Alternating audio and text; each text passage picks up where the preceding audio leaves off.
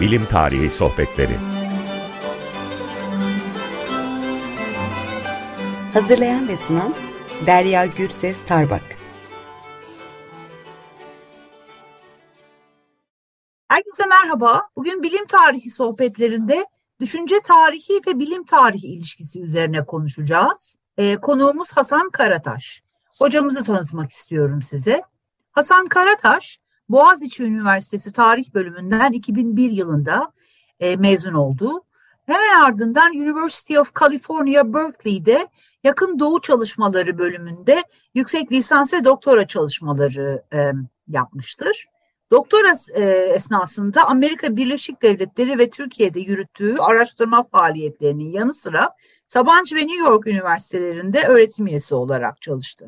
2011 yılında doktora derecesini almıştır ve 2017 yılına kadar Amerika Birleşik Devletleri'nde University of St. Thomas e, tarih bölümünde çalışan Doktor Karataş, 2018 yılından beri de İstanbul Teknik Üniversitesi İnsan ve Toplum Bilimleri bölümünde kariyerine devam etmektedir. Ee, Hasan hocamızın ilgi alanları arasında erken ve klasik Osmanlı dönemlerinde şehir, tasavvuf ve bilim tarihidir ve şu anda e, Osmanlı Sufizmi ve Anadolu e, şehirleri e, 15. yüzyıl bağlamında bir monografi üzerine çalışmaktadır. Hocam hoş geldiniz. Hoş bulduk hocam. Çok teşekkür ederim bu nazik davetiniz için. Ee, çok ben de geldiğiniz için yani bize katıldığınız için çok teşekkür ederim. Ee, ilk sorumla başlamak istiyorum.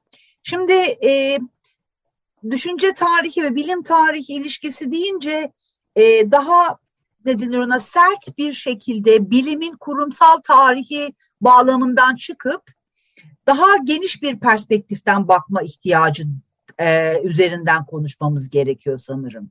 Bilimin ve bilginin tarihini ortak bir platformda çalışma olanakları üzerine biraz kafa yormamız gerekiyor metodolojik olarak. Bu konuda aynı fikirde miyiz? Aa, tabii katılıyorum. Aa, benim çalışmalarımın şu ana kadar yaptığım ve bundan sonra da planladığım çalışmalarımın aslında temel kabulü e, bizim bugün e, yani son ürün olarak tükettiğimiz her türlü bilginin e, aslında bir ham hali olduğu, belli bir süreç içerisinde oluştuğu, toplumda belli bir süreçlerden geçtikten sonra artık bir kabul edilen fact yani kabul edilmiş bir büyük bir kabul öyle söyleyeyim öyle olduğu yönünde ve buna yönelik de çalışıyorum. Dolayısıyla metodoloji olarak da e, biraz daha esnek oluyorum. Yani e, sadece bilgi tarihi değil, yani bilim tarihi, hatta işte sosyal tarih, tasavvuf tarihi, bunların hepsinden e, şeyler alıyorum kendime. E, yani değişik metotlar e, ödünç alıyorum, onları kullanıyorum. Burada yani bu neden böyle yapıyorum? Bunun arkasında nasıl bir zihin yapısı var diye soracak olursanız e, çok hoşuma giden ve e, programın sonunda da tanıtmayı planladığımız bir kitapta gördüğüm e, bir alıntıdan bahsetmek istiyorum. Alıntı şu şekilde Ludwig Fleck isimli bilim tarihçisi ya da bilim felsefecisi e, 1960'larda vefat etmiş e, Polonya kökenli e, bir felsefecinin sözü bu. E, şöyle diyor, bilinen herhangi bir şey onu bilene her zaman sistemli, kanıtlanmış, uygulanabilir ve doğruluğu besbelli gibi görünmüştür. Her yabancı bilgi sistemi de aynı biçimde çelişkili, kanıtlanmamış, uygulanamaz nitelikte hayali ya da gizemli görünmüştür.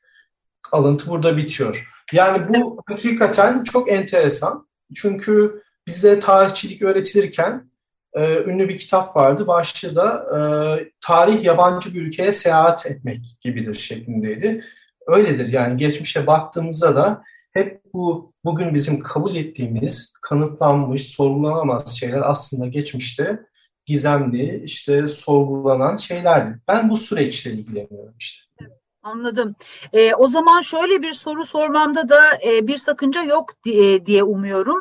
Şimdi e, tarihsel süreç içerisinde içerisinden geçip moderniteye ulaştığımız zaman bilimsel olmadığı düşünülen ve dışarı itilen yani bilim bağlamının dışına itilen düşünme şekillerinin de tarihselliği üzerine kafa yormamız gerekiyor bizim bilim tarihçileri olarak. Doğru mu?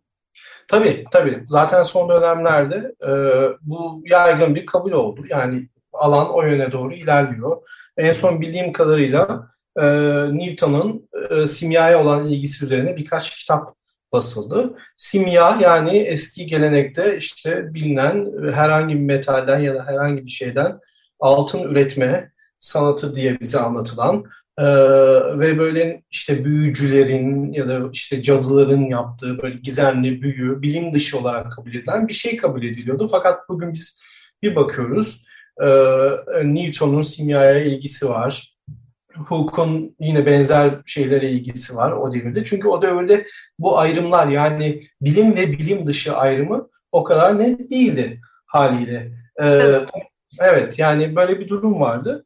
Ee, dolayısıyla biz hakikaten baktığımızda geçmişte bu özellikle bugün bilim dışı kabul edilen astroloji, e, simya e, ve benim de ilgi alanım olan e, tasavvuf. Tasavvuf bilimin değildir tabii ki de ya tasavvuf ehlinin yani sufilerin yaptıkları çalışmalar e, bunlar bilim dışı ya da bilim içi ayrımını göz ardı ederek baktığımız, ilgilendiğimiz meseleler. Burada kısaca bir tabii uyarı yapmak istiyorum. Yani e, bu yaptığımız çabayı postmodern, post-truth dediğimiz bu çağda e, tabii ki her şey bilim olabilir. O da onların bilimi. Hadi kabul edelim şeklinde bir yaklaşım değil bu asla. Yani bu e, yani bugün modern bilimin e, geldiği noktayı hepimiz zaten şahidiz. Fakat bu geçmişteki oluşum süreci içerisinde bizim bugün kanıtlanmış sistematik olarak gördüğümüz şeylerin nasıl bir ortamdan çıktığını anlama çabası. Yani e, bu şekilde yorumluyorum ben. Anladım. O zaman peki e, düşünce tarihi metodları ve niyetleriyle bilim tarihi çalışmak bu çabanın bir parçası olabilir mi sizce? Yani bundan kastım şu Hasan Hocam, e, bilimin e, kurumsal olarak gelişmesi dışında o da dahil olmak üzere toplumsal, kültürel, siyasi, dini unsurlarını da bu bağlamları da işin içine dahil edip bütüncül bir hikaye, bütüncül bir narratif yazmak e, daha mantıklı geliyor bana. Siz nasıl ne düşünüyorsunuz bu konuda? Elbette, elbette. Özellikle e, 20. yüzyılda, e, şimdi tabii 20. yüzyıldan bahsederken yani geçen yüzyıl oluyor ve bir 20 yıl olmuş bir anda kendimi yaşlanmış hissettim. Ama yani özellikle 20. yüzyılda biz zaten bu tarihin ama sadece tarih de değil bakın sanatta da hakeza e, alanının böyle inanılmaz genişlediğini ve e, eskiden mesela tarihin e, ana e, nesnesi büyük tarihi şahsiyetlerin zaferleri, mağlubiyetleri ya da anlaşmalarken bir anda biz 19. yüzyıl, 20. yüzyılın başına itibaren ne görüyoruz? Diğer insanların tarihlerini, toplumların, işçilerin, ondan sonra kadınların, e, sömürgeleştirilmiş toplumların tarihini, bunların tarihe dahil ediliyorlar. Değişik metotlarla bunlara bakıyorlar. Aynı yaklaşımlar tabii bilim tarihinde de gerçekleşiyor. Yani eskiden bilim tarihi e, Newton gibi, işte Hooke gibi e, ya da işte Darwin gibi kendisini kanıtlamış, klasikleşmiş büyük figürlerin tarihi değil, aynı zamanda e, hani bugün yaygın bir tavırla söyleyelim, atanamamış Newton'un ya da atanamamış Darwin'in diyelim. Yani onlar, yani tarihteki çıkmaz sokaklar, öyle de diyebiliriz. Onların tarihi. Tabii bu metot bize ne sağlayacak? Öncelikle bu sürece katkıda bulunan ve yeteri kadar sesi duyulmamış kadınlar, yahut ya da Avrupa dışı toplumlar ya da mekanlar mesela sizin çalışmalarınız hocam kahvehaneler mesela ya da ben mesela hapishanelerde üretilen bilim üzerine de birkaç bir şeyler okumuştum. Bu değişik mekanları, değişik aktörleri yine bu sürece dahil etmemize yarıyor. Bu değişik metotları kullanmak. Güzel şeyler düşünüyoruz bu konuda.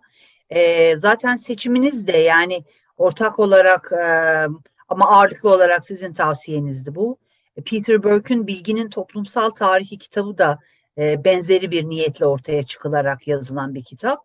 E, bize kitabı tanıtabilir misiniz? Ayrıca bu konuştuğumuz sorular ve e, konular çerçevesinde de bir değerlendirme yapmanız mümkün olur mu? Tabii ki. Bu kitabı çok seviyorum ben. Yani her yerde, her derste anlatıyorum. Nerede ise 20 yıl oldu kitap basılalı. İkincisi de çıktı. Peter Burke bu kitabın ikincisini yani bugüne kadar Wikipedia'ya kadar getirdi. Ama bu ilk kısmı özellikle erken modern dönemi işleyen kısmı benim tabii şahsi tarihimde, eğitimimde çok etkili bir kitap. Her yerde bahsetmekten zevk duyduğum bir kitap. 2000 yılında basılan bir kitap bu. Ee, ve Peter Berg bilinen bir Avrupa tarihçisi. Onun e, Hollanda'da Groningen Üniversitesi'nde verdiği konferanslar, konuşmaların derlenmiş ve dipnotları hazırlanmış hali. Tabii konuşmalar olduğu için de dili akıcı e, ve e, normal profesyonel tarihçilerin ötesinde e, yüksek lisans öğrencileri ya da bu işle ilgili eğitimli insanların anlayabileceği, okuyabileceği şekilde e, çok da hoş bir dili vardır. Her seferinde zevk alırım. Kitap 9 kısımdan oluşuyor. Ben kitabı şöyle hızlıca tarif edeyim. Bu 9 kısımda Peter Berg önce ilk başta bu bilgi sosyolojisi, bilgi felsefesi ya da bilgi tarihi bu konuda yapılmış çalışmaları 19. yüzyıldan itibaren alarak bugüne kadar getiriyor. Hepimizin işte bildiği isimler tabii ki. İşte Thomas Kuhn'ler, Veblen'ler, bunlar Marx'lar, bunların hepsinden bahsederek aslında bu bilginin toplumsal tarihi denen şeyin son zamanlarda çıkmamış, eskiden beri değişik usullerle yapıla gelen bir metot olduğunu anlatıyor. Sonra da bizi erken modern dünyasına, Avrupa dünyasına götürüyor. Tabii Avrupa merkezi bir anlatı bu. Ee, umarım ileride bunu diğer tabii bağlamlarda İslam coğrafyası, Çin coğrafyası, bu coğrafya Hint coğrafyası buralarda da benzer şeyler üretilir. Avrupa'ya götürüyor bizi. 19. 19. yüzyıl öncesi, Fransız devrimi öncesi Avrupa'ya götürüyor. Orada öncelikle bu bilgi mesleğini yapan insanları anlatıyor. Bilgi işiyle uğraşan insanları. Bunlar sadece üniversite hocaları yahut e, kilisedeki e, yüksek dereceli işte rahipler değil. Aynı zamanda o bahsettiğim genişleme yani neredeyse patlama e, tarihsel metotla yeni kesimleri dahil etmeyi biz burada görüyoruz.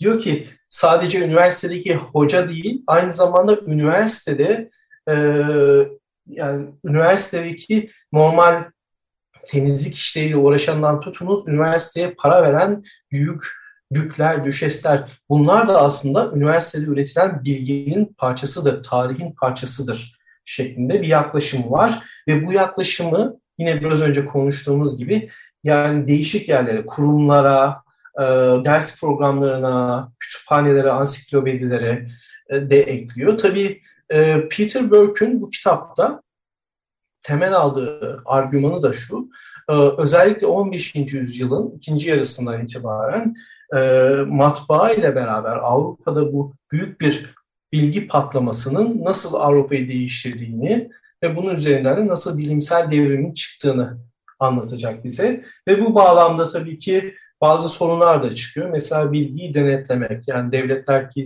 bu sansürü nasıl üretmişler? Ya çok önemli bir konu bilgiyi satmak ve satın almak. Yani piyasada, ekonomide bilgi satmak, satın almak. Ben burada inanılmaz rakamlar görmüştüm ve şaşırmıştım. Yani 16. yüzyılda Venedik'te milyonlarca kitap basılmış. Milyonlarca kitap bastığınız an sizin e, o bastığınız, ürettiğiniz bilgiyi tüketecek insana da ihtiyacınız var. Neticede kar etmeniz gerekiyor. Tabii bu da böyle ne yapıyor? İşte okuma yazmanın teşvik edilmesi, hızlandırılması. Fakat sadece o değil. Yani birkaç insanın tek kitabı paylaşması değil, herkesin kendi kitabı olması, kendi kütüphanesi olması gibi yeni yeni düşünceler ortaya çıkarıyor. E, print kapitalizm İngilizcesi yani bilgi şey matbaa kapitalizmi matbaa dedikleri. Kapitalizm. Evet hocam. Yani bunlardan bahsetmiş Burke kitabında. En sonda tabii ki bir de bu bilgileri üreten insanlar oldu, tüketen insanlar. Onlar da nasıl yaklaşmışlar? Bu patlayan bilgi yekününü nasıl hazine etmeye çalışmışlar? Bunun üzerine bu şekilde toplamış bu kitabı. Bu kitabın tabii ki bana yararı özellikle doktora çalışmalarımın başında ben e, mezun olduğum üniversite itibariyle yani Boğaziçi Üniversitesi itibariyle sosyal tarihe meyilli olarak eğitildim. O şekilde bir eğitim aldım. Dolayısıyla ama ilgim de bir anda işte yani bilgiye, bilgi üreten insanlaraydı. Ve dolayısıyla sosyal tarih metoduyla bu bilim tarihi, bilgi tarihi metodunun mükemmel şekilde birleştirmesi benim çok hoşuma gitmişti. Ve bugün de öğrencilerime anlatırken onların da çok hoşlarına gittiği bir yaklaşımdı. Evet, e, Peter Burke'ü yani kitap özelinde çok kapsamlı bir e, tanıtım oldu. Çok teşekkür ediyoruz hocam da. Peter Burke'ü nasıl tanımlarsınız? Yani bu benim kişisel olarak da düşündüğüm. Yani Peter Burke e, nasıl bir tarihçidir dediğinde kültürel tarihçi mi? Düşünce tarihçisi mi, bilgi tarihçisi mi, bilim tarihçisi mi ya da böyle bir kaygı çekmeli miyiz artık günümüzde? Hani e, disiplinleri Tabii. Evet, buyurun. E, siz gayet güzel söylediniz hocam. Yani en başta aslında söylediğiniz, e, en sonunda söylediğinize kesinlikle katılıyorum. Yani Peter Berg aslında bir tabii kültür tarihçisi, Avrupa'daki kültür tarihçisi. Ee, yine işte kültür tarihine sosyal tarih metotlarıyla bakan. Fakat işte kültür tarihi, sosyal tarih, bilim tarihi, düşünce tarihi bu tarz böyle e, disiplinler diyelim, sınırlar, duvarlar e, belki bir noktada gerekli. Ama ve lakin ileri araştırma aşamalarında e, bunları sorgulamamız lazım. Bunların üzerinden düşünmemiz lazım. E, çünkü eninde sonunda e, biz bir gerçekliğin peşindeyiz. Tarihsel gerçeklikler de aynı bugünkü gerçeklikler gibi çok katmanlıdır. Ee, yine şey yani bir popüler gönderme yapmak istiyorum. Ahlat Ağacı'nda e, aktör Serkan Keskin de e, diğer aktörün ismini hatırlayamadım Doğukan Bey. E, onun e, Doğu Bey, onun arasında bir tirat vardır. Öğrenciler arasında geçer orada. İki tane böyle taşladı, iki entelektüel. Biri genç, diğeri yaşlı konuşurlar. Orada Serkan Keskin der ki yani e, sen bu teorilerden, edebiyat teorilerinden bahsediyorsun ama benim şu anda aklımdaki tek şey benim canımı yakan şu ayaklarım. Bakın yani burada iki entelektüel tartışırken çok alelade günlük bir şey. Yani bir sağlık meselesi. Bazen o tartışmayı farklı bir yere götürebilir, farklı bir noktaya götürebilir. Yani bu üretilen biz bugün saf, böyle tertemiz, kristal bir şekilde gördüğümüz bilgiler, teoriler vesaire aslında bu toplumsal gerçekliğin renkliliği, karmaşası içerisinden çıkmış şeylerdir.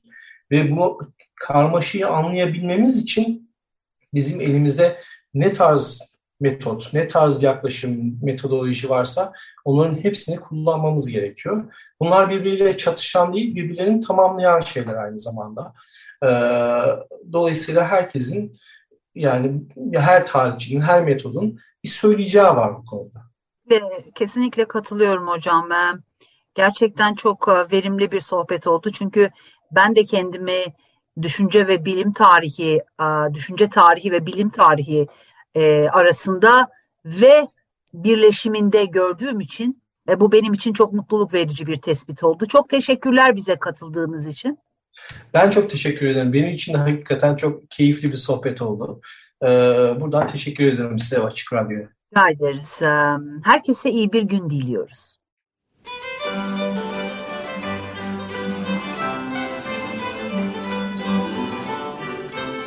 Bilim Tarihi Sohbetleri Hazırlayan ve sunan Derya Gürses Tarbak